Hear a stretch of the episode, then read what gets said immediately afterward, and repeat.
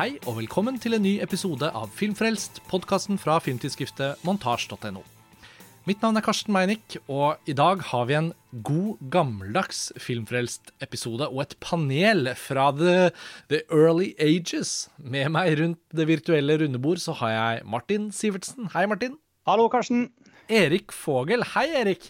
Hei, Karsten og Martin. Hei, og velkommen tilbake. Jeg føler liksom at dette er dette er eh, et panel fra før pandemier, fra før eh, jeg hadde barn. Før, det er liksom en helt annen tid. Det var veldig veldig hyggelig å være samlet oss tre, syns jeg. Sist gang vi tre var på Filmfrelst, så må det jo være du som hadde programlederrollen, Martin. I fordums tid, ja. Vi prøvde å finne ut det før episoden. Vi klarte ikke helt å slå fast når det var, men sannsynligvis var det i forbindelse med noe TV-serie, seriefrelst. Antageligvis. Kanskje til og med så langt tilbake som til Game of Thrones, var det vel vi fant ut. Sesong seks. Ja, ja. Og for de av lytterne våre som har begynt å høre på Filmfrelst de siste par årene, så er jo da denne nostalgien vi nå henviser til, er jo da det faktum at Filmfrelst har jo vært en podkast siden du starta den, Martin, i februar 2009. Så på 13. året så er det jo mange panelmedlemmer, faste eller ikke så faste, som har kommet og gått. og det var jo veldig viktig med deg i starten, Erik, for du hadde jo spottet meg som filmskribent og foreslått meg inn i podkasten. Sånn at jeg synes jo Det at det er oss tre, er jo en veldig veldig hyggelig eh, bit. da. Og vi skal jo lage en seriefrelst, som er jo et um, lite fenomen av filmfrelst-episoder som kanskje bare egentlig kommer ca. én gang i året i snitt. Men um, det har jo med å gjøre at vi har et litt sånn dedikert fokus på film. Men når vi først gjør episoder om serier, så er det jo fordi det gjerne er serier som er av spesiell interesse for oss, da. Og det vi skal snakke om, er jo da den nye Star Wars live action-serien Obi-Wan Kenobi, som har hatt premiere på Disney Pluss nå i mai-juni, og um, alle episodene er ute. Det er seks episoder. Den kategoriseres som en miniserie eh, inne på Disney Pluss, som er jo da strømmetjenesten til Disney for de som har levd under en sten de siste par årene. Og Martin, vi lagde jo en episode om The Mandalorian Um, som var den første live action Star Wars-serien i denne Disney Pluss-æraen.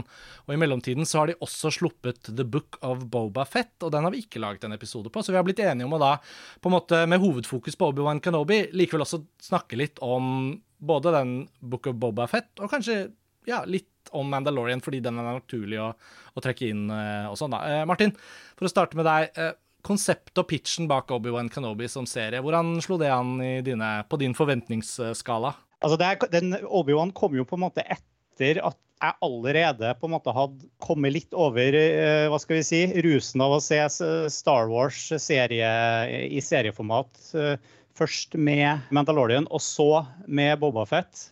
Og da Jeg har, hadde allerede rukket faktisk å blitt litt småtrøtt på det.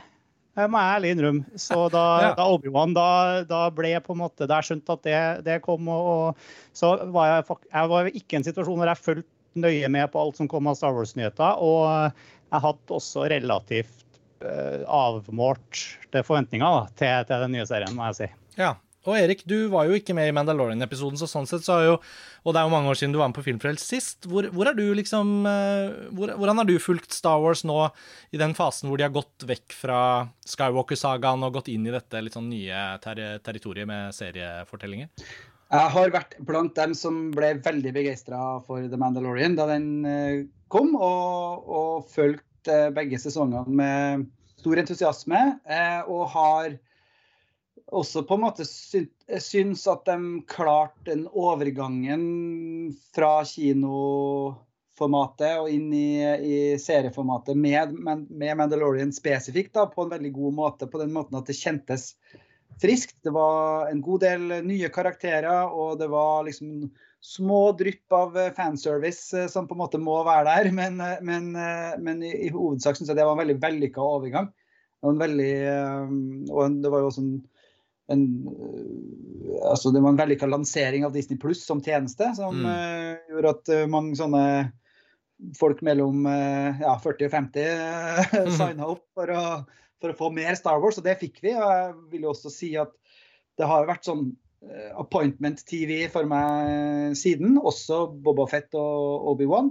Men jeg vil også si meg enig litt med Martin at, at da vi kom til den den, den, tredje sesongen, eller, unnskyld, den tredje serien, men den fjerde sesongen med Star Wars uh, live action, som var Obi-Wan Kenobi, så var jeg også litt mer sånn mett enn det. Og det tror jeg Boba Fett uh, har bidratt til. Uh, den kan vi også snakke litt om for seg sjøl, syns jeg. Mm. Men jeg var også, også, det har også begynt å bli en altså den, her, den her strømmen av Star Wars og, og, og, også alle de andre seriene som vi vet er på vei.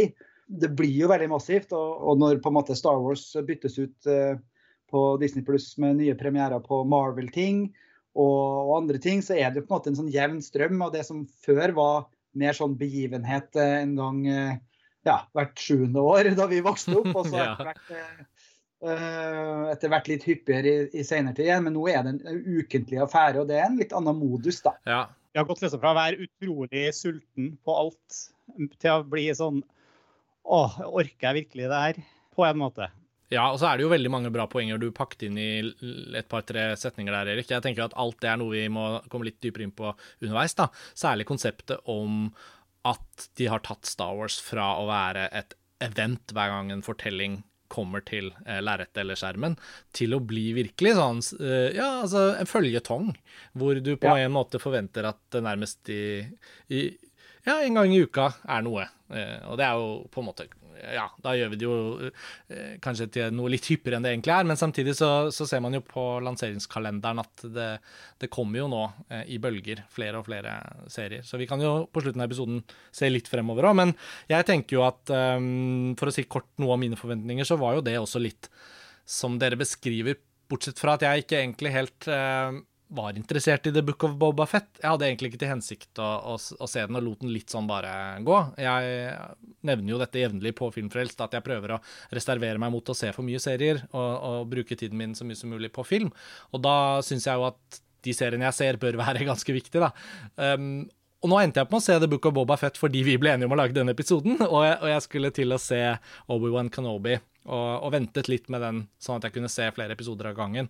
Og da, og da jeg så de to første episodene av Obi-Wan Kenobi, da hadde jeg allerede begynt på Boba Fett. Og det som slo meg der, var at jeg idet jeg begynte å bli lei og kjente at dette blir for en pliktløp, så kom jo The Mandalorian inn fra venstre og på en måte tar over, eller i hvert fall spriter opp The Book of Boba Fett. Jeg syns jo karakteren Mandalorian, temaet, alt det som liksom funka veldig bra der, det reddet jo Book of Boba Fett litt, på en måte. Så jeg, gikk, jeg fikk sånn veldig sånn økt humør inn i Obi-Wan Kanobi akkurat de to-tre dagene der, da, hvor jeg hadde litt ekstra tid, eh, hadde litt pendlertid. Det ble jo liksom blanding av small screen, ha, halvveis stor screen, og så Obi-Wan Kanobi i hjemmekinoen, da.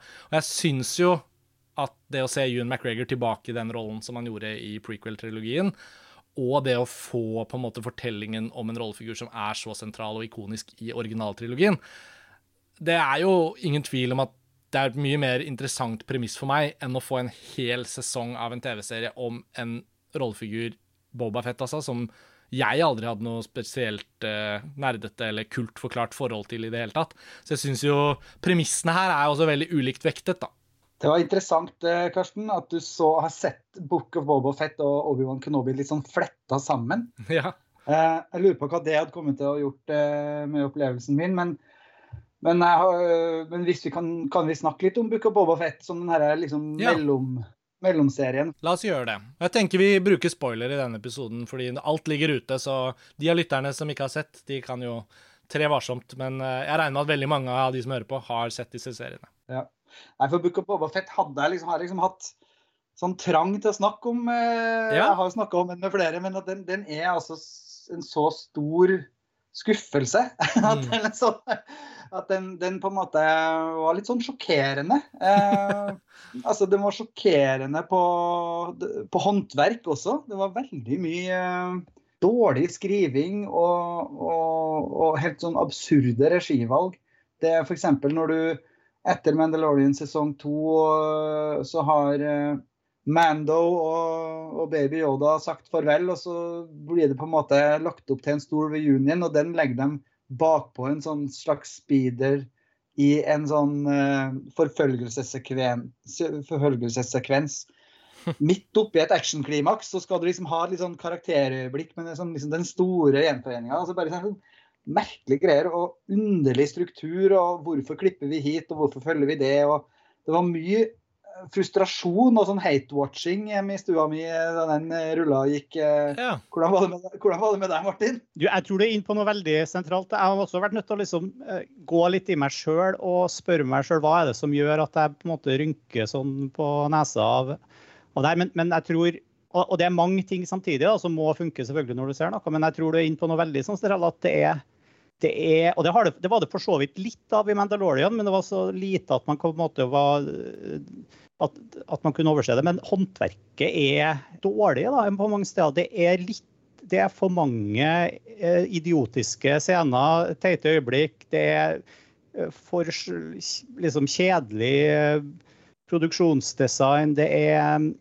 det er noen, noen rett og slett ganske og særlig i Bobafett, noen ordentlig pinlig dårlige um, actionscener.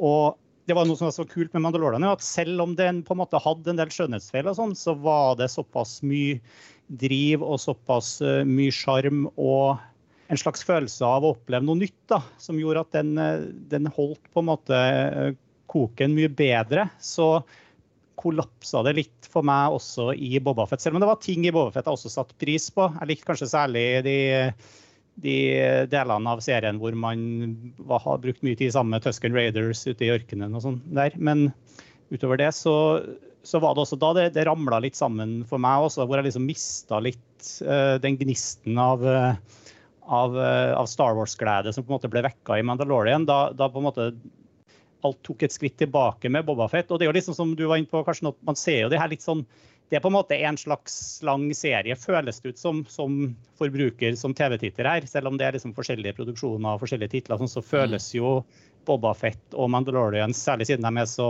fletta inn i hverandre storymessig, så føles det litt som om det er en lang TV-serie vi sitter og ser på. Mm.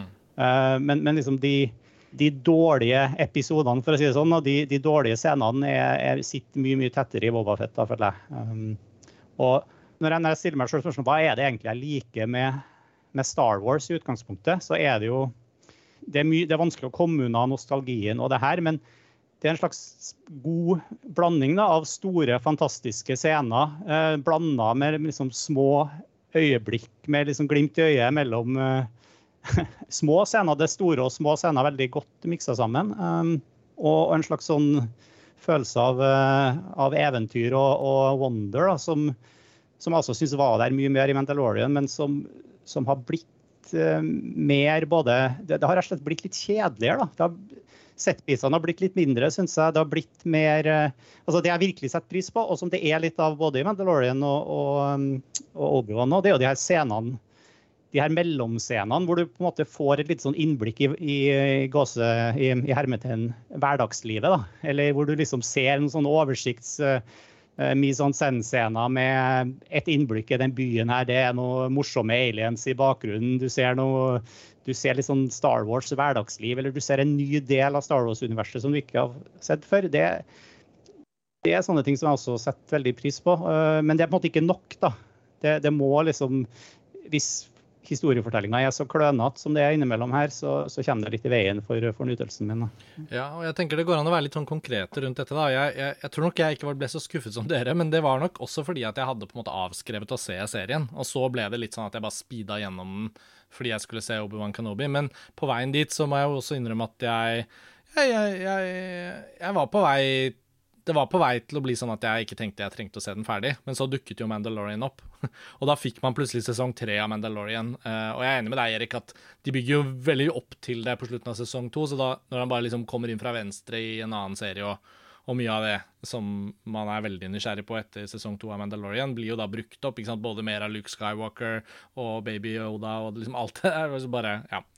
Men denne uka har jeg gått og tenkt mye på at er det egentlig en bra ting at alle de detaljene og alle de mellomspillene i disse ikoniske karakterenes liv i denne fiksjonsverdenen blir uh, fortalt oss og blir konkretisert? Altså, uh, hva er verdien av å få det billedliggjort og dermed få sett det, versus det å ha det som en sånn derre uh, ikke mm, konkretisert forestilling hvor man selv som publikummer og fan av Star Wars-universet har kunnet liksom fylle inn og, og, bygge opp under det. Jeg tror hadde mye av interessen for Boba Fett-rollefiguren For nå har jeg også lest litt om hvorfor er, hva er greia med at han har blitt så kultforklart, for det har liksom ikke skjedd hos meg. Men det er jo fordi nettopp han er en såpass liten rollefigur, og hele den der Bounty Hunter-backstoryen og liksom Det var en kul leke med jetpack, da. Ja, en kul leke, og liksom sånn Og så kan folk spinne videre på ham fordi det finnes så lite informasjon, og dermed blir han en interessant figur. Men det de velger å fortelle om Boba Fett, er jo på en måte litt sånn drepende uinteressant, og i hvert fall demytologiserende. Og um, den serien er jo ikke en actionserie. Og det er noe av det jeg da etter hvert skal si at jeg syns var noe av det bedre med Obi-Wan Kenobi, er at det er så mye action i den. Um, og jeg syns det Jeg forbinder jo det med Star Wars, å få lov å være med på spennende fortellinger hvor ganske mye står på spill. Um, mens Eh, Book of Boba Fett ender opp med å bruke ganske mye spilletid på en måte å være en slags sånn indre karakterreise om hvordan Boba Fett har liksom forsonet seg med eh, det å på en måte gjenoppstå fra de døde, i, i bokstavelig talt, og, og, heles liksom i denne vanntanken. Og sakte, men sikkert stake ut en retning for hvem man skal være. Altså, dette er jo en helt annen type fortelling, syns jeg, enn ja, når Mandalorian er på sitt mest actionfylte, og i hvert fall noe veldig annet enn Obi-Wan Kanobi. Da. Jeg vet ikke om, om, det er sånne type ting som gjør at du blir skuffa, Erik. At den, for jeg syns jo action og actionestetikk i Star Wars er veldig eh, vevd inn i hva jeg elsker med Star Wars. I tillegg til selvfølgelig alt det som alle elsker, da, karakterene og mytologien og worldbuildingen og sånn. Jo, du er inne på noe veldig sentralt, for du snakka om det med å fylle inn historier om karakterene litt sånn i mellomrommene her. og det er jo vi kan sikkert snakke mye mer om det i forbindelse med Obi-Wan Kenobi, men i Book of Boba Fett så er jo den Boba Fett som jeg så på kino da jeg var liten, eh, han var jo en taus eh, bad guy som, ja. Eh, som eh, tok penger fra imperiet for å jakte på eh, alle de snille karakterene. Og, og stort sett bare jobba for Darth, liksom. Eh, og så presterer de jo å presentere en serie hvor han på en måte allerede altså i nåte, her, her mener jeg et strukturelt problem i Book of Boba Fett. fordi mm. Allerede i første episode i nåtidsplanet så er han allerede en forandra mann. Mm. Eh, han, har en, han, har hatt den lange reisen og selvinnsikten. Så bruker de hele sesongen på å brette ut den forhistorien som får eh, på en måte bli forklaringa for hvem han er allerede fra første episode. Ja, Det er noen lange så, flashbacks der, for å si det sånn. ja, det er det, men, men, det er mitt store problem sånn rent kunstnerisk. Hvorfor ikke bare ta det i rekkefølge? La oss få bli med på det sammen med han, og ikke sitte og se scene etter scene hvor han er, på en måte opptrer som en sånn altruistisk, eh, litt sånn eh, litt sånn Robin Hood-aktig, prøve å være en god gangsterboss prøve å ikke bruke vold og, og sånne type ting. Eh, alt, alle de tingene som er konsekvenser av den karakterreisen som, som vi ikke har sett, da, men at mm. de bare porsjonerer ut utover. Og så er det påfallende hvordan For det er tre av episodene i Book of Boba Fett som er regissert av Robert Rodriguez. Jeg synes det er påfallende at dessverre er det hans episoder som er de aller svakeste på alle måter, inklusive action. Ja, jeg er enig. Ja, Det er noe veldig dårlig actionregi innimellom der. Ja, altså. ja, og jeg la også merke til det, uh, faktisk. Det er vel en, den, mest notoriske er vel den her motorsykkelgjengen som er ja, så malplassert, og actionscener med dem er så Det var en del Spy Kids der, følte jeg. Ja, og i, i, finalen så er det jo masse sånne kartell-bad guys som en stor sånn shootout. Hvor liksom skurkene bare står lina opp for å bli plaffa ned, og så ramler de om, og så er det skriptfeil fordi de plutselig står dem igjen, og så er det liksom nye. Så, altså, det er så mye sånn derre hastverksarbeid, og det tror jeg er liksom litt av forklaringa på at det har knirka såpass, er at jeg tror det her er veldig rusha. Jeg tror det her er en serviett av en pitch som har blitt satt i produksjon. Hva om Boba Fett var gangsterboss eh, på mm. Tatooine? Mm. Så i den derre For vi vet jo, jeg har ikke lest meg helt opp men jeg vet jo at den pitchen på en måte kom jo underveis eh, i, eh, i, i, uh, i, arbeidet med Mandalorian. Og så ble det på en måte satt i sving veldig fort. Og så har de, har de jo altså, Dere har kanskje sett det på litt sånn Star Wars-nerdesida også. Det er jo masse sånn DFX-feil og at liksom du ser settveggen og du ser liksom Det er mye sånn masse sånn, og veldig sånn, Et sånt tegn på hastverk er jo også at det er veldig stor variasjon på hvor bra effektene er gjort. At det, Ja. måte, det er ikke én konsekvent uh, høy kvalitet, det er veldig varierende. Mm. Så jeg synes, men, men, men, men ikke bare på det liksom, tekniske og visuelle effektet. Det her handler om regien, det handler om skrivinga, det handler om klippen, det handler om lyden. Eh, og det handler om, eh, om på en måte det overordna liksom eh, altså Hva slags serie er det de lager, og, og, og, det mangelen på en uh, tydelig linje ut fra den opprinnelige pitchen. da. Jeg Mm. syns ikke det har dybde, og jeg syns ikke de har landa det. Så for meg så endte var liksom konklusjonen på Book of Bobofet at helt riktig som du sier, Karsten.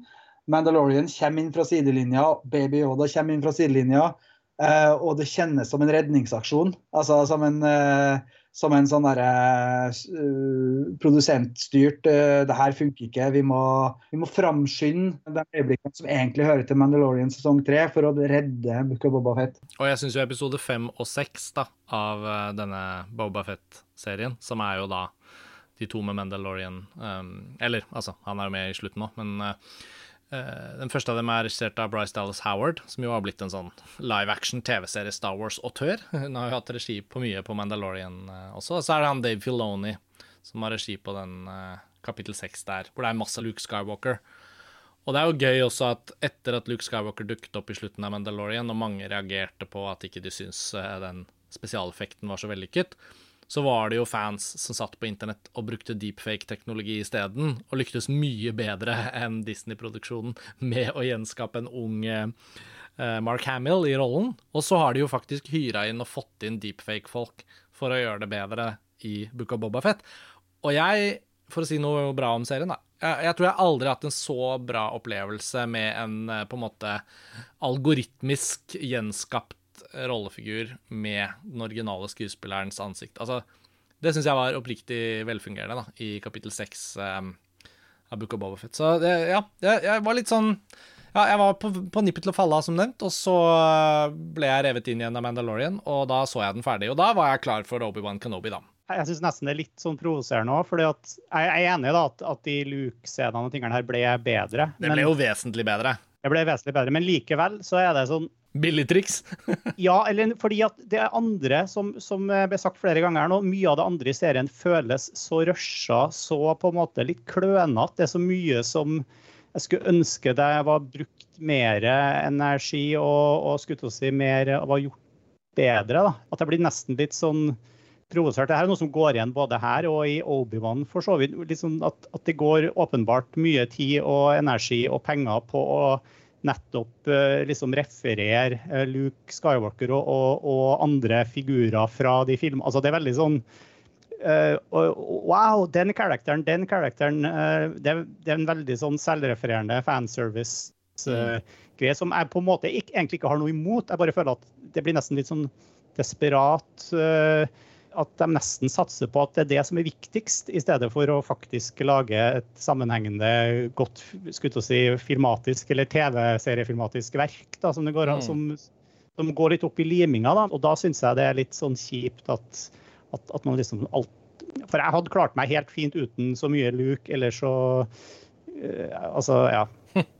ja. Det er noe der da, som jeg, som jeg syns på en måte Mandalorian også unngikk i stor grad å gå i så mange sånne feller, da. Men, eh, Ja. men, men, men der, eh, ja, det hang også bedre sammen på, på alle måter. Jeg har jo en eh, følelse av at Eller jeg, jeg, jeg har i hvert fall en slags sånn selvbevissthet også litt på at min sånn surmuling og, og litt sånn Altså at det, det er noen generasjonsting ute og går òg, i forhold til hva er Star Wars for eh, en på min alder som, eh, som er gammel nok til å se de første to filmene på kino. Eh, Riktignok i motsatt rekkefølge, men i 83 da var jeg på kino og hadde mitt livs største kinoopplevelse med 'Return of the Jedi' som åtteåring.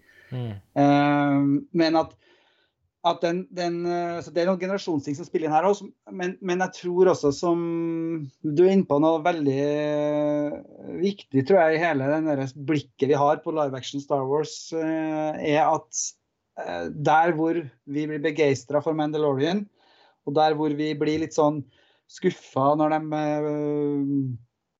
drypper inn en del klassiske karakterer og, og familien Skywalker, så er det faktisk litt det jeg, som er min på en måte hovedkritikk av der Star Wars er i dag. Det er at de ikke har klart å kvitte seg med uh, den uh, avhengigheten av Skywalker-sagaen, da. Mm. Uh, som, som, jeg, som, jeg, opplever som var for meg en sånn friskhet med Mandalorian. At det var veldig mye sånn tirsdag et sted i galaksen, og her har du ikke vært før. Og, og det er pur Star Wars likevel.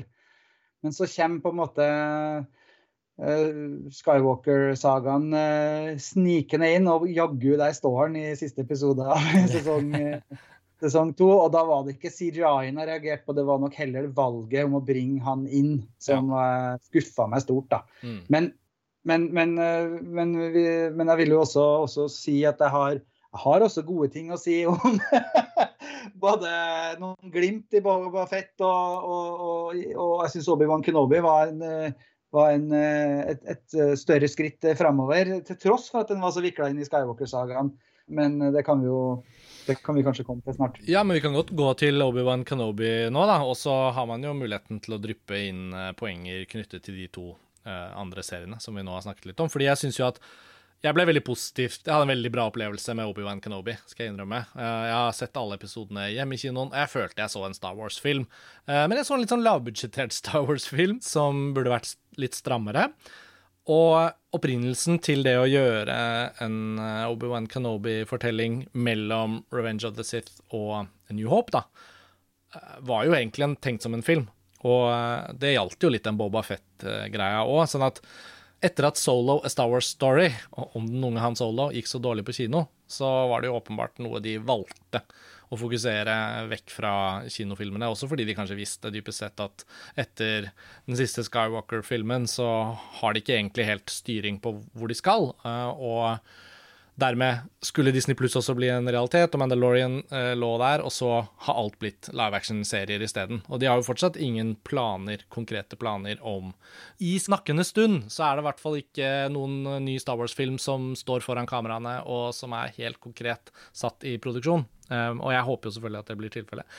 Men jeg syns nå engang at Obi-Wan Kanobi var det nærmeste man kommer å få en ny Star Wars-film. Og ja, så mitt utgangspunkt for å snakke om den er at jeg hadde en veldig bra opplevelse av den. Og når det først skal være tilbake til Skywalker-sagaen, da, så syns jeg jo at dette var veldig helhjertet. Det var jo ikke noen tvil om hva den handlet om. Og sånn sett så tenker jeg at det, det hjalp den serien ganske mye. At det var eh, tydelig at det var en miniserie. At ikke det er nødvendigvis en ting som skal bli til enda en føljetong. Men at det på mange måter var én fortelling fortalt over seks episoder. da. Sånn opplevde jeg det i hvert fall. Jeg, bare, mens, du var inne på det her i stad, er det en liten digresjon. Men eh, jeg har jo nå Og jeg måtte se filmen en gang til ganske nylig, bare for å være sikker på at jeg fortsatt står ved det. Jeg setter egentlig ganske pris på solo. Ja er det eneste som gjør det. For den, den, gjør akkurat det som jeg ønsker meg. på en måte. Den forteller noe. Det er, ja, det er noe Star Wars characters, men den er ikke så veldig opptatt altså, De er nesten ikke et lysverd i den, og jeg syns det er befriende. Og den er på en måte cinematisk. Den har noen fantastiske setpiser, særlig med denne togsekvensen. Og, og, og, og, den har mye av det her som jeg egentlig som gleder meg da, med, med Star Wars. Jeg kan langt på vei være enig. Ja, jeg liker også den filmen godt. Og jeg eh, ventet ganske lenge med å se den. Um, på grunn av den fikk så dårlig bøss og alt det der. Og det er til slutt sånn på kino så gikk jeg ut og tenkte Hva i alle dager skjedde her? Denne filmen var jo helt herlig. Det var Superunderholdende. Jeg koste meg skikkelig med den filmen. Jeg har, tror jeg bare nevnt anekdotiske samtaler tidligere, fordi vi endte ikke opp med å Eller jeg har iallfall ikke skrevet eller snakket om den. Men ja, jeg likte også den. Så, men med poenget ditt, Martin, er da at du syns ikke det står så dårlig til egentlig med lang film Star Wars? Nei, altså Rogue, um, Rogue One, uh, Solo og Mandalorian på en måte gikk mye i riktig retning. Og jeg skjønner hva du mener, Karsten, at det føles som en ny Star Wars-film. Og det, det, er jo på en måte lov å sammenligne, føler jeg også, med de siste si, kanoniske episode-Star Wars-filmene. Mm. Men igjen da, så syns jeg at Obi-Wan, i hvert fall for min del, ram, jeg liker på en måte, jeg er med på konseptet. Det er jo veldig sjarmerende. Altså, hun fyller jo på en måte litt det hullet i Bobafett. De var ikke noe Grogu der, men nå har vi Leia og det er en fin dimensjon der da, som var litt bort fra Bobafett før uh, Mandalorian og Grogu kom inn igjen. Og, og liksom, men, jeg, men, jeg, føler fortsatt at i, i Obi-Wan så er det det er for mye dårlige scener, rett og slett. Og da mener jeg scener som, hvor jeg sitter liksom og klasker meg i panna over hvor hvor teit det er. I Bobafett så har vi jo de scenene med de her motorsyklene som kjører så utrolig sakte, f.eks. Det er bare en av mange, det var kanskje mest åpenbare eksempelet. da, Men, men i, i Obi-Wan nå så, så, er det eh, scener hvor de har ikke liksom klart å få det til å bli eh, spennende og drivende nok. da. Og jeg vet jo at det er sånne ting som blir trukket fram på nettet. men det, det er jo fordi det er så lett å gjøre det. Du har de scenene hvor, liksom de, hvor hun Leia blir jakta på av de her kidnapperne i skogen. Du har til og med fightscenene med, med Darth Vader ikke sant? og, og, og Obi-Wan som jeg rett og slett ikke syns eh, funker ordentlig. Da. De er så seige, trege. De er filma og klippet på en, på en ganske sånn kjedelig måte. Du har denne scenen hvor de lager en sånn ildvegg på et par meter over en uh, som, som, plutselig er en sånn stor blir et sånt stort hinder som verken Darth Vader eller Obi-Wan eller noen av de stormtrooperne plutselig klarer å komme seg forbi et par meter med flammer. Liksom du har du har så mange uh, ting som uh, og, og det, er liksom, det, det, det, gang på gang er det sånne scener som, som tar meg liksom ut av, uh, av immersionen, rett og slett. da. Hmm. Men selvfølgelig, det er også mye kule ting her, som jeg også setter pris på. Men det er så mange små øyeblikk hvor jeg, hvor jeg liksom syns at uh, ja, Det er feil å bruke ordet B-film, for det er jo på en måte litt sånn Og Mandalorian har jo liksom B-filmtendenser, det er liksom en del av greia. men at det er på en måte veldig tydelig at det her eh, er ikke bare TV-serie, men det føles litt sånn uh, billig TV-serie ut noen ganger. Hmm. Mm. Det var en rant. Ja, men altså, det kunne ha vært min rant også, for jeg har også opplevd å sitte de siste ukene og se, se hver nye Obi-Wan-episode på slippdagen, som har vært onsdager, og så sitte og nitpikke, da. Altså liksom bli en sånn derre sånn sur Har ikke lyst til å gjøre det. Men... Nei, jeg har ikke lyst til det, men, men, det er veldig mye tilfeller og karakterer som gjør ting fordi en forfatter trenger det, og ikke fordi de trenger det sjøl. Og det er veldig mye sånne convenient ting. Jeg kan jo liksom bare nevne i fleng fra den sesongfinalen, så er det jo ja, altså hun, Den karakteren Reva, den inkvisitøren, har jo vært uh, gjenstand for mye debatt. Men, uh, men hun, sist vi så hun var jo hun spidda på lyssabelen til Darth Vader og døende, og så plutselig har hun kommet seg til Tatooine. Ja, det er jo Third Sister. da. Ja, Third Sister, Reva. Eh, hvordan har hun klart det? Hvorfor er hun ikke lenger eh, livstruende skadd? Eh, hvorfor, og den der, når Darth Vader har valget mellom å forfølge eh, lilleromskipet som Obi-Wan har eh, stukket av med, og den som alle de flyktningene er i, så velger jo han å sende hele den store stjernekrysseren sin etter lilleskipet, istedenfor å hoppe inn i en Tie Fighter som den stjernekrysseren garantert er full av, til å forfølge den sjøl. Det tenkte jeg altså på. Jeg hadde ikke så mange nitpics som dere, men akkurat det tenkte jeg på. I alle dager har vi noen gang sett det, at et av de svære skipene svinger sånn ja. Eh, jeg følte hele konvensjonen er jo at nå kommer det sånne eh, små ut. Og så er det i scenene hvor, hvor hun Third Sister og Obi-Wan har sånne veldig fortrolige samtaler, avslører alle hemmelighetene om sine sammensvergelser og planer, mens det står liksom Stormtroopers to meter unna og overhører alt de sier. Ja. Og i den episoden også, så står de jo først så står de jo og beordrer beskytning av den stengte porten, som det viser seg at hun bare kan skjære opp eh, som en eh, kniv gjennom eh, smør. Eh, ja, det er så mange sånne øyeblikk, og det, det, burde ikke gjøre noe, men likevel. Så... Nei, det, veldig lite av dette hang jeg meg opp i, altså, så jeg var heldig sånn sett. Nei, vi hang oss opp i jeg tror vi er i samme camp uh, her, men, uh, men, at liksom det blir veldig mye sånne lettvintløsninger og sånn, sånn førsteåret på filmskolen-valg som forpurrer det som er en, i, utgangspunktet en langt eh, akkurat som du sier, kanskje en langt renere og enklere og tydeligere serie som har hatt én regissør hele veien, og som har en veldig tydelig og sterk hovedrolle. Jeg syns Obi-Wan, eh, mm. eh, som eh, tolka av Hugh McGregor, er kjempebra. Altså, han, han, gir alt, han, selv om han står der omgitt av dårer. holdt jeg på å si. Og jeg syns også den uh, skuespilleren som spiller Leia, hun er faktisk sjarmerende og bra, og ikke en sånn derre annoying uh, barnerolle. Ja, jeg syns hun er veldig bra. Jeg, uh, ja. Vivian Lyra Blair heter hun. Jeg har listen foran meg, for jeg tenkte jeg har lyst til å nevne noen av de mer ukjente her. Men jeg uh, syns jo også hun Moses Ingram, som spiller denne Eh, Inquisitor Rava. Jeg syns hun spiller bra. Eh, karakteren er ganske klumsete skrevet, sånn som du beskriver, Erik. Fordi jeg tenker jo at det å ta et av de barna eh, fra denne massakren og, Ja. og følge en annen hevnfortelling, da, en annen reise i universet, det er jo nettopp det jeg føler er med å berike det, ved siden av de etablerte karakterene. Eh, Det er bare utrolig synd at det blir en sånn veldig forhastet, få trådene til å gå opp-aktig eh, manusjobb rundt hennes rollefigur. Fordi Ja. de, hadde jo, de hadde jo helt fint kunnet eh, gjøre noe annet enn at hun blir spidda på det lyssverdet til Darth Vader. Det er klart. Alle som har sett noen Star Wars, vet jo da at da, er, da ligger det dårlig an. Men så trenger jo forfatterne at hun skal overleve for å være med i de neste to episodene også. Så da overlever hun istedenfor at Vader gjør ferdig jobben. Ja, men det er da jeg mener at istedenfor at han i det hele tatt spidder henne, så burde de funnet en annen måte å skrive den scenen på, da. At hun Ja. Ja, at han er uinteressert, eksempel. At han har noe helt annet å tenke på. Det er jo også det som er litt sånn teit med hvordan Obi-Wan Kenobi også kommer seg til Tatooine, da. Ja, det går Det må være den kjappeste ferden på tvers av galaksen Ja. noensinne. Så jeg hang meg faktisk mer opp i det. Ja. Nei, men så, så liksom, du har flere situasjoner hvor Darth Vader, liksom selveste Darth Vader, blir dum. Både i den nevnte første kampen eh, med den der ildveggen. Altså På det grustaket. Ja. Etter at de har eh, slåss verdens tregeste Ja. gammelmannslysverd. vel. Smitter dere meg med nitpickingen? ja nei, for jeg, jeg har vært helt sånn i nitpick-modus. Men, så, men, så, men på den gode sida har jeg også lyst til å si at den, den siste duellen syns jeg var langt bedre både skrevet og koreografert og Mm. spilt. Den hadde resonans, selv om det, den har et sånn overhengende problem hele serien. At du vet jo hvordan det går til slutt eh, med alle som på en måte er kjente karakterer. Mm.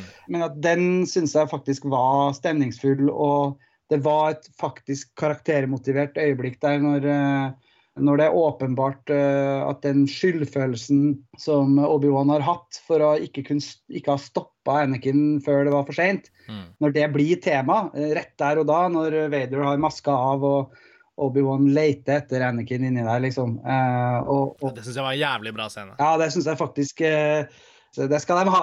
Ja, og, og det morsomme er at det ble jo fort et av Hayden Christensens beste øyeblikk i Star Wars-universet også, som skuespiller. Ja. Selv om vi bare så en fjerdedel av ansiktet hans. Ja, men hvor mye Hayden Christensen har egentlig vært med? Jeg så jo eh, Mm. kommentert på nettet at de har jo hatt en sånn body double til å stå og gå, og en Mm. til å slåss. Så hva, hva er det igjen til Aiden Christensen? Liksom? Godt spørsmål, for det er jo James Earl Jones som fortsatt har stemmen, for de eh, som ikke da har sett dette og ikke vet allerede. Det, ja, nei, jeg syns, eh, jeg syns jo det ekkoet fra Revenge of the Sith, en film jeg aldri har vært spesielt opptatt av, er jo den Jeg ble forbløffet over hvor mye jeg brydde meg om det. Altså den skyldfølelsen til Obi-Wan. Og, og jeg syns jo episode én og to og sånn var jo ganske fantastiske, fordi jeg ble overrasket egentlig over hvor mye jeg brydde meg, og, og jeg, jeg hadde ikke et gjensyn med Range of the City i det hele tatt. Nå var det jo et sånt flashback som startet hele serien, da, så sånn sett så var jo det smart å kjøre en liten trailer for Range of the City der. Og den så jo så bra ut. Jeg ble litt sånn Hæ, så det så bra ut? Jeg husker det som en litt sånn ræva digitalfilm jeg var litt sur på. Eh, tilbake i Når var det? 2005? Så um, Nei, og jeg, jeg må jo også innrømme at dette med hun regissøren, da, Deborah Chow, som også har gjort episoder av Mandalorian, hun har jo hatt fullt overordnet kunstnerisk ansvar, og jeg er jo øh, selvfølgelig, øh, selv om ikke det er noe sånn stort spillerom for autører innad i Lucasfilm og Disney og sånn, så, så tror jeg likevel at det har en reell positiv effekt på disse seks episodene, og den følelsen jeg sitter igjen med av å ha sett en ny Star Wars-film på mange måter, da. At de styres med så stødig hånd av henne, da. Og jeg syns samarbeidet med fotografen til uh, Park Chan-wook, som har jo også hatt foto på alle seks episodene, er veldig bra, da. At jeg syns det jevnt over får en veldig sånn positiv visuell uh, utforming. Uh, Chung Hun Chung, som han heter. Ja, og musikken. John Williams har jo vært inne og skrevet et tema. Hun Natalie Holt, som er det den første kvinnelige komponisten som har fått jobb i Star Wars-universet? Eller i hvert fall Jeg har ikke full oversikt over det, men det er veldig oppløftende. Jeg hørte også på radioen at det er en norsk fyr som, fra Askim som har vært med og hjulpet hun Natalie Holt da, eh, som assistenten og skrevet noe. Så det er jo jevnt over, syns jeg, veldig mye i Obi-Wan Kanobi-serien som jeg syns rent sånn filmfaglig og filmkunstnerisk hjelper å holde et høyt nivå, da. Selv om jeg er selvfølgelig enig, Martin, at det ser litt billigere ut enn noen annen Star Wars-film, for det er jo en TV-serie, og den har hatt lavere budsjett. Og sånn som det sandtaket hvor den første fighten mellom Altså sånn, kom igjen, liksom. Det, det må da være ett kulere sted den fighten kan utspille seg. Så ja, jeg, jeg ser at den har svakheter, men jevnt over var jeg veldig overbevist, altså. En kommentar etter første gang vi ser Vader i Obi-Wan Kenobi, er jo at han er hjemme på Mustafar, hvor han har sånn skummelt slott. Står han i tronrommet sitt og får, en, får telefon eller videosamtale fra Third Sister. Og da husker jeg at da sitter jeg og ser på liksom Ja, men herregud, du kan jo ikke innrede litt mer praktisk, da, mann. Altså, Nei, hele, hele, planeten er en manifestasjon av designgarderoben til Darth Vader. ja, men altså, det er liksom Det er så det, så, det der blir for meg sånn, sånn bartetvinne skurkegreie. Og selvfølgelig, Darth Vader er jo en tvers igjennom skurkefigur, er ikke det? Men jeg bare liksom sitter og tenker på at, at, hvor er den praktiske liksom, altså den, tronen, den tronen der har stein, liksom. Det er ingenting rundt. Han har ikke noe hjelpebord, settebord til å Nei, jeg syns det trenger Imperiets interiørdesignere trenger litt oppstramming. Hvor sitter IT-avdelinga når det er holoskypen ja. Vi har jo sett mange filmer som utspiller seg rent sånn kronologisk senere, da, Erik. Så jeg, kan, jeg husker ikke helt om interiøret forbedret seg jeg, i løpet av originaltrilogien, eller ja, Men altså, tidligere så har jo Darth Vader vært mye sånn Han har liksom bare vært om bord på de her stjerneskipene og gått rundt og liksom hengt sammen med resten av crewet, på en måte. ja. Mm. Ikke så mye hjemme hos. Nei, Nei ikke mye. Men jeg syns det var veldig kul, den her basen på den her vannplaneten. da. Det var en ja. kul sånn setpiece. Det satte jeg pris på. En annen favorittscene for meg var den herre når, når han herre lastebilsjåføren plukker dem opp. ja. Det syns jeg var en artig sånn ned på jorda, artig scene som Ja. Sånne ting har jeg satt pris på både med altså De scenene der, da, som tar det litt ned og liksom understreke litt at vi, vi tar ikke det så utydelig likevel. på en måte. Det, det kunne det godt vært mer av for min del. Ja. Det er for meg krydder. Det er ting som er viktig å ha med. Men så er det med den historien i bånn. Og det er helt enig i den ideen. altså Grunnkonseptet i, i Obi-Wan er veldig godt, syns jeg, med who, The One That Survived. Det gir mening, men uh, helheten gir litt for mye friksjon for meg. altså, at Jeg er villig til å, til å bli til å sitte her og, og bli veldig begeistra. Men Martin, jeg vet at du har sett uh, seriene med sønnene dine. Og du har jo nærkontakt med de yngre generasjonene. Og hvordan har de opplevd uh, Obi-Wan Kenobi, og for så vidt de to andre seriene? Ja, de har, Jeg merker på dem at de har blitt mindre fascinert etter Mandalorian. Men samtidig så er de også fascinert på av både Boba Fett og av ting som skjer i Obi-Wan på en litt annen måte enn meg. For jeg har jo og det er ikke noe bevisst grunn til det, men jeg har på en måte unngått å sett veldig mye av de greiene som Dave Filoni har vært med. Jeg har ikke sett noe særlig av eh, Clone Wars, mest litt over skuldra-titting. Jeg har ikke sett noen av de animerte seriene. Så når, sitter, når, jeg sitter og ser det her sammen med min 12-åring og min 16-åring nå, så er det de som må sitte liksom og belære meg om Star Wars-universet og fortelle meg hvem den nye karakteren er. Å ja, det er Asoka, ja. Eller Cad Bane, eller ting, folk ja. som ikke jeg har noe forhold til i det hele tatt. Hvor, altså, er de opprinnelse fra Clone Wars og disse andre greiene, da, eller? Ja, det er det. Ja, For det har ikke jeg sett heller. Ja, han er blå cowboy-bounty-hunteren dukker opp på slutten av uh... Ja, ja, ja, på slutten av Boba Fett. Ja, så er det liksom For meg er det et sånt uh, ikke-øyeblikk, egentlig. Mens for dem, så det, de får bare helt sånn hakeslepp. Å, det er Cad Bane! Wow! Altså, den effekten er man jo på en måte ute etter. Det er jo litt samme som har skjedd med, med Marvel. ikke sant? Det, det, er så utrolig mye sånn referanse til til The Extended Universe hele tida som, som, må opprettholdes. Men det var, det var, en litt artig følelse å sitte der liksom, at nå er det sønnene mine som skal fortelle meg om, om Star Wars. Og, så så følte jeg meg også litt, litt gammel og litt utafor, rett og slett. da. Tiåringen min Vi har sett Mandalorian sammen, og det har vi hatt Det har liksom hele familien på en måte sett. det har vært en veldig fin ting. Men etter det så har jeg ikke klart å få med han på, på Boba eller eller Obi-Wan. Der er mm. andre ting som trekker. Men det er interessant det du sier, fordi det at det finnes et, altså En ting at Clone Wars, som heller ikke jeg har sett så mye av, eh, er en referanse for helt andre generasjoner enn oss. Og, og alle har sin Star Wars. Det har jo liksom pågått i snart 50 år, det her. Um, så er det jo også en, en, ting, en sånn erkjennelse for meg at uh, vi kan sitte og være aldri så irritert over at ja, men han karakteren er jo ikke sånn, jeg kjenner han jo sånn. og Sånn, men, men, egentlig, Star Wars har alltid vært litt sånn. Eh, det har vært en verden av sånn extended universe og, og mye sånn ulne greier. og Rare animerte serier. sånne Droids og Ewoks eh, på 80-tallet. Og, og, og, ting som på en måte ikke passer inn med kanoen. og ikke liksom, altså Star Wars har alltid vært først og fremst det sånt kjerne av filmer og et kommersielt univers som har sprunget ut fra det i alle mulige retninger. Så at det er, at det er rotete i Star Wars-universet, og at det er uh, på en måte en pinlige øyeblikk og blanda med fantastiske øyeblikk, det er litt sånn par for the course, da, for å bruke godt norsk. Men det er jo en slags uh, franchise-verden uh, som vi sitter midt oppi. Altså. Og det, det er litt uh, overveldende og litt slitsomt. Og det er jo umulig. Vi har vært om, vi har nevnt, liksom, nevnt Marvel-universet flere ganger her nå. Det er jo, jeg blir jo litt svett med tanke på hvor mye mer Star Wars som er på en måte annonsert, som jeg sannsynligvis har lyst til å se jeg gruer meg til liksom, vi skal dit med James Bond nå. At plutselig ja. så er det det unge Bond-TV-serien og The Book of Felix Lighter og, og altså, det kan Ja. Ja, du, men det, det, er nok mer realistisk enn man skulle tro. Um, jeg tror Hvis jeg kunne få lov å ønske meg noe som skal skje med Star Wars fra nå av, da, hvis vi ser det på år null nå, så tror jeg jeg ville ønsket meg uh, at Ryan Johnson Og jeg syns Last Jedi var veldig bra. Jeg vet at den er veldig mye debattert. Jeg syns den var kjempebra at Ryan Johnson fikk alle pengene han trengte for å skrive og regissere tre filmer i en helt ny trilogi, hvor premisset er du skal lage Star Wars så bra du kan, men ikke noen sånne etablerte karakterer og, og sånt. Det hadde vært fett. Helt enig. Det måtte jo vært Jedi, så det måtte jo vært på en måte alt. Men det, gjerne sånn at det ikke handler om gamle dager, men at vel velg deg en eller annen tidslinje som liksom ikke vi har vært i ennå, og så bare skriv. Ja.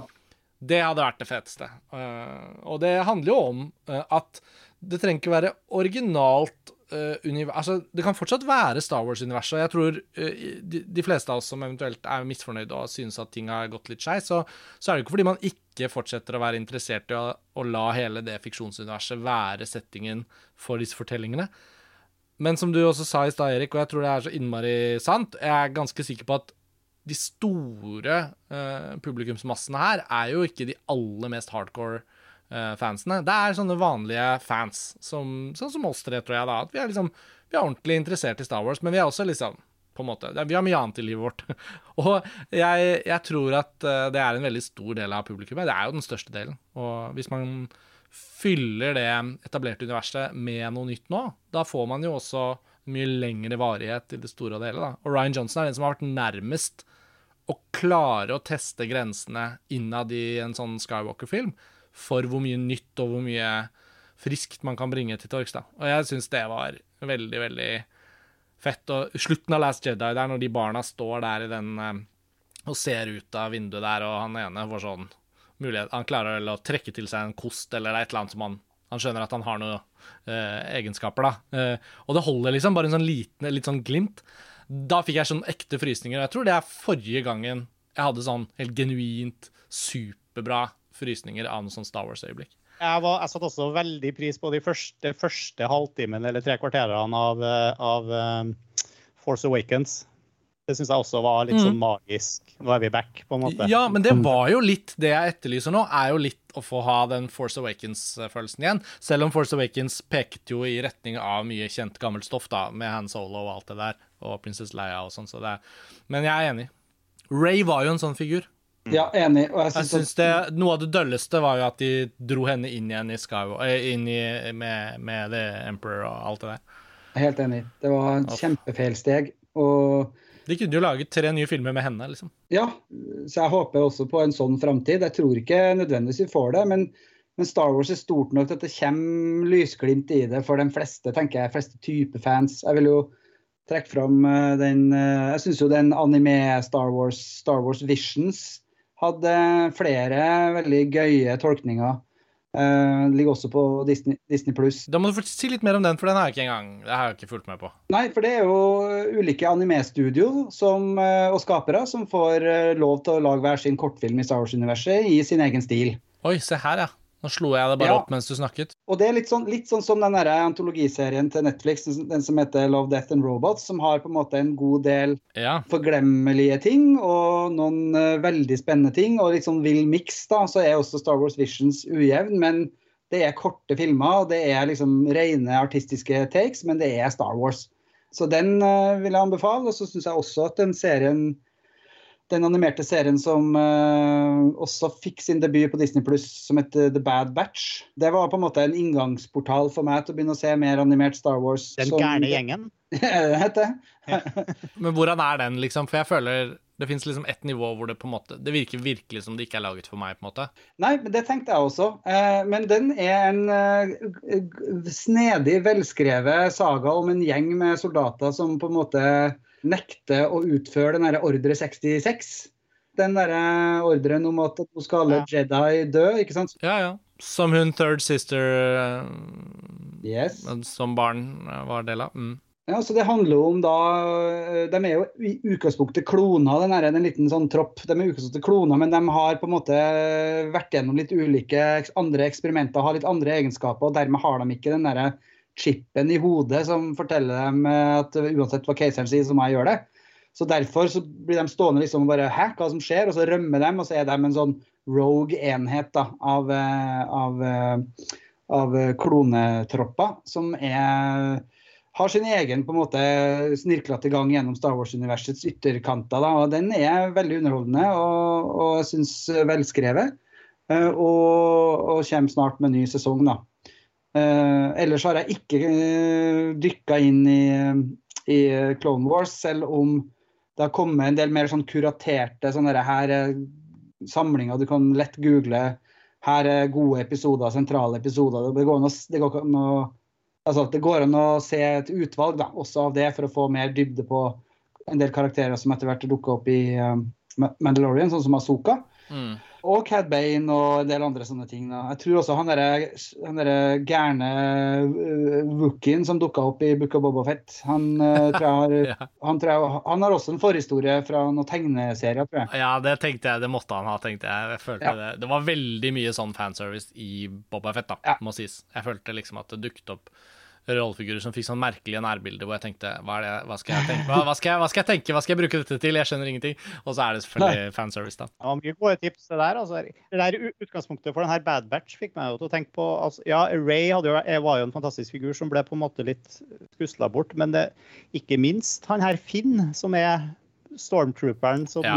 som du kommer under hjelmen på, på en måte. Og, ja. og som, det var også en sånn uh, enorm missed opportunity som, som eh, virkelig ja. kunne ha ja, nå, nå, hentet du liksom den første halvtimen av Force Awakens tilbake igjen, Martin. Og eh, jeg savner jo selvfølgelig at, eh, at det gjøres igjen. Men, men jeg syns det var gøy, ja. Som du sier, Erik. Det var veldig gode innsalg da, av, en del ting fra det animerte universet. Og, og, før vi avslutter, så må vi jo snakke litt om det som kommer, da. For jeg syns jo da den traileren som nå er sluppet til Andor er det ikke det den heter? Ja. Som er den live action-serien som blir en prequel til Rogue One. Ja.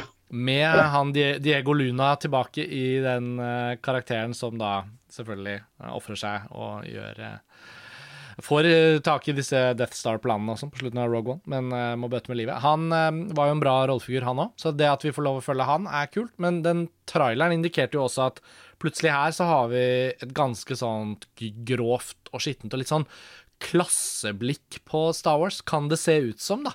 Og eh, her er det jo Tony Gilroy som er tilbake. Han ble jo hyret inn for å redde Rogue One.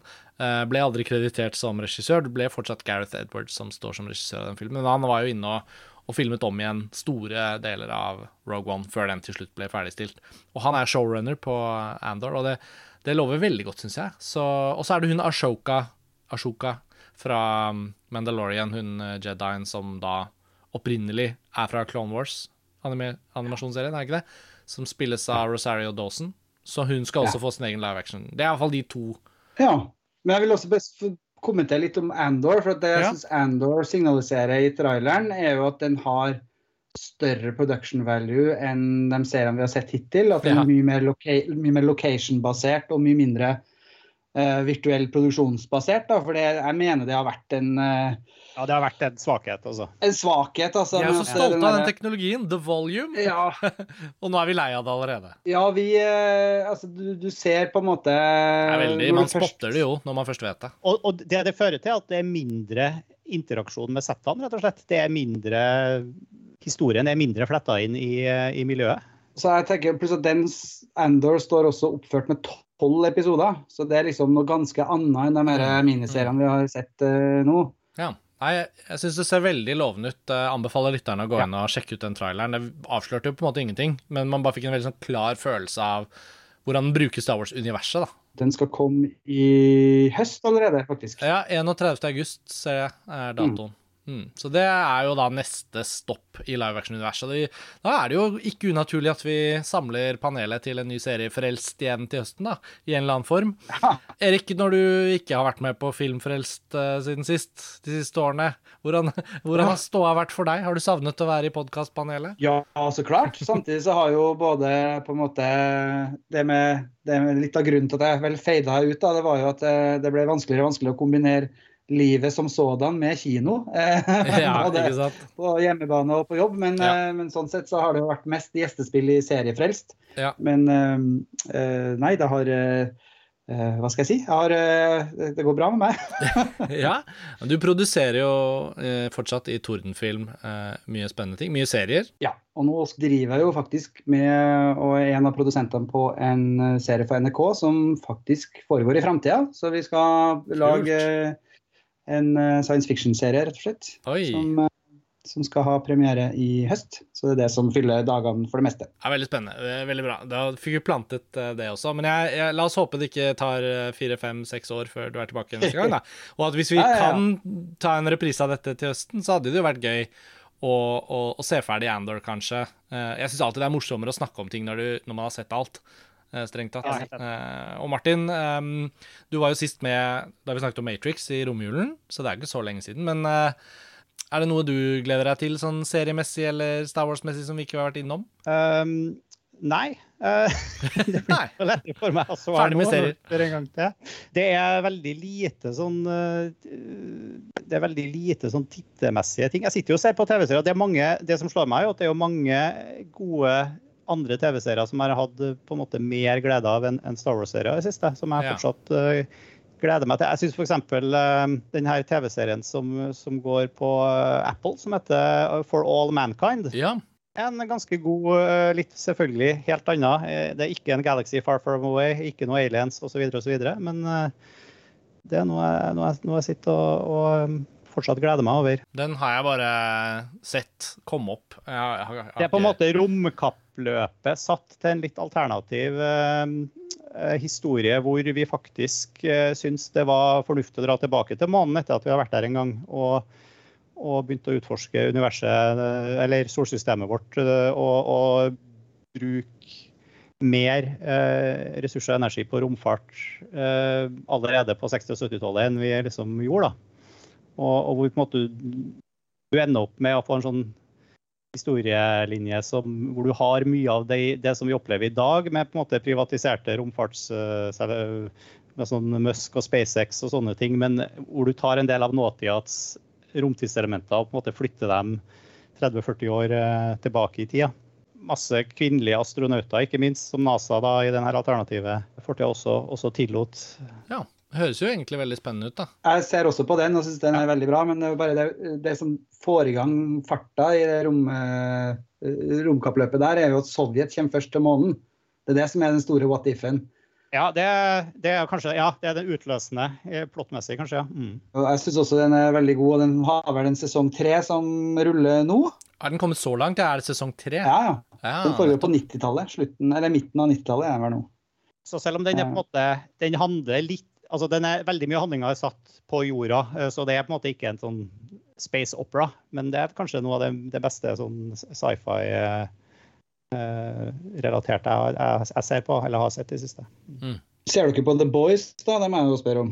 Jeg gjør ikke det. Som sagt så er jeg veldig restriktiv i hvor mange serier jeg setter i gang med å se på, men, eh, Ja. men jeg har jo skjønt at eh, det er et slags fenomen. Den er veldig, veldig varmt anbefalt. Eh, Den er veldig, veldig drøy, og jeg trodde jo Jeg venta jo lenge med å se den, for jeg er ikke så glad i at eh, ting trenger å være så fryktelig ekstremt bare for å være ekstremt, men det er noe av det smarteste um, skrivinga og gøyeste regiene og morsomste spillet jeg har sett på veldig veldig lenge. Og den har sesong tre også rullende nå, så jeg syns det er gode tider. Kan, hver fredag kveld så er det The Boys og For All Mankind. Ja. Eh, Da er liksom gullrekka klar. ja. ja. Det går selvfølgelig mye bra på kino også, da, men denne episoden er ikke til for at jeg skal komme og rante om det, så Må jo få høre, få et kinotips. Jeg har mista Ja, få et kinotips. Ja. Et direkte kinotips eh, ville jo være å se bitte litt eh, frem i tid, kanskje, da. Um, fordi nå, nå gleder jeg meg jo veldig til eh, å se denne Elvis-filmen til Baz Luhrmann. Og jeg har jo ikke sett den ennå, men den skal jo være helt crazy og overdådig og outrert, men eh, en originalfilm og en biografifilm som det sies nå at er, noe ganske annet enn det mye biografifilm har vært i det siste. Og jeg har ennå ikke sett Top Gun Maverick, så jeg, jeg syns jo kinosommeren ser ganske bra ut. Men selvfølgelig, nå forventet dere noe enda mer juicy jeg skulle komme med enn akkurat det, så kanskje det ikke var så utrolig som jeg hadde på følelsen. Men jeg følte at det var en film jeg, med Obi-Wan Kenobi, og det hjalp jo for meg å se Jeg tror de fire første episodene lå der da jeg begynte, så da hadde jeg jo ganske sånn Jeg hadde ikke så mange økter før jeg hadde sett det ferdig, og da lignet det jo litt mer på en kinoopplevelse. Men eh, så bra. Skal vi avslutte der, da, dere? Det kan vi godt. Ja, Erik, da har du på en måte lovet å komme tilbake forhåpentligvis til høsten. det håper vi vi får til det. Ja, snakke om Andor i hvert fall. Og Martin, om ikke før, så er jo det også en sannsynlig timeplan for deg, da, på Filmfrelst. Det høres riktig ut. Og så får vi håpe at eh, lytterne allerede har sett alle disse seriene og hørt på og goset seg, og sikkert kjent at de ble sett i sin nitpicking-tilværelse, de også. Eh, det var tydeligvis Ja, og, og, og hvis du har liksom ikke har la- latt være å se Solo fordi du fikk så dårlig Ja. buss. så, så, så Ja, og var, jeg hadde også lovet meg selv å si en sånn ting eh, i denne episoden, Martin, avslutningsvis. Rogue One, som vi trasha ganske hardt på montasje da den kom, og jeg står inne for det, den har gjennom årene vokst veldig på meg. Og da jeg var ferdig med Obi-Wan Kenobi, så skal jeg innrømme at jeg så eh, slutten av Rogue One om igjen, og starten av A New Hope om igjen. Bare for å, bare for å liksom binde sammen eh, Princess Leia-fortellingen, da. Og se hvordan de hadde jo De hadde jo på en måte deepfaket henne på slutten av Rogue One på en ikke fullt så vellykket måte eh, teknologisk. Apropos det vi snakket om med Luke Skywalker. Men så å se åpningen av New Hope, da, rett og slett igjen. Helt ferskt med Obi-Wan Kenobi-fortellingen på minnet, det, det ga en veldig sånn fin uh, effekt. Jeg syns sånn uh, onkelen og tanten til Luke og sånn, der kjenner jeg liksom at jeg følte jeg kunne lese inn i de scenene eh, et annet mørke da, enn før. Og jeg vet ikke, ja, Dere husker det jo selvfølgelig, for dette er jo den opprinnelige Star Wars-filmen. Men altså, de blir jo toasta. Mhm. De, står, er jo der, de skjelettene som er sånn ihjelbrente når Obi-Wan og Luke kommer tilbake, og, og Luke bare Ja, ja, jeg får bare bli med deg, Obi-Wan, for livet mitt her er over, liksom. Det er jo, jo 18-årsgrense i forhold til hva vi får se i Obi-Wan Kenobi-serien, da. Syns jo det er litt morsomt å, å, å, å se ulike måter å skildre for så vidt ganske sånn grusomme voldsting som skjer i Star Wars-universet. Men OK. Vi var på vei til å avslutte episoden. Vi får gjennomføre det. Men eh, da høres vi til høsten, begge to. Takk for at dere hadde tid og var med og snakke om Star Wars i denne seriefrelst episoden av Filmfrelst. Så høres vi snart igjen. Ha det bra. Ha det!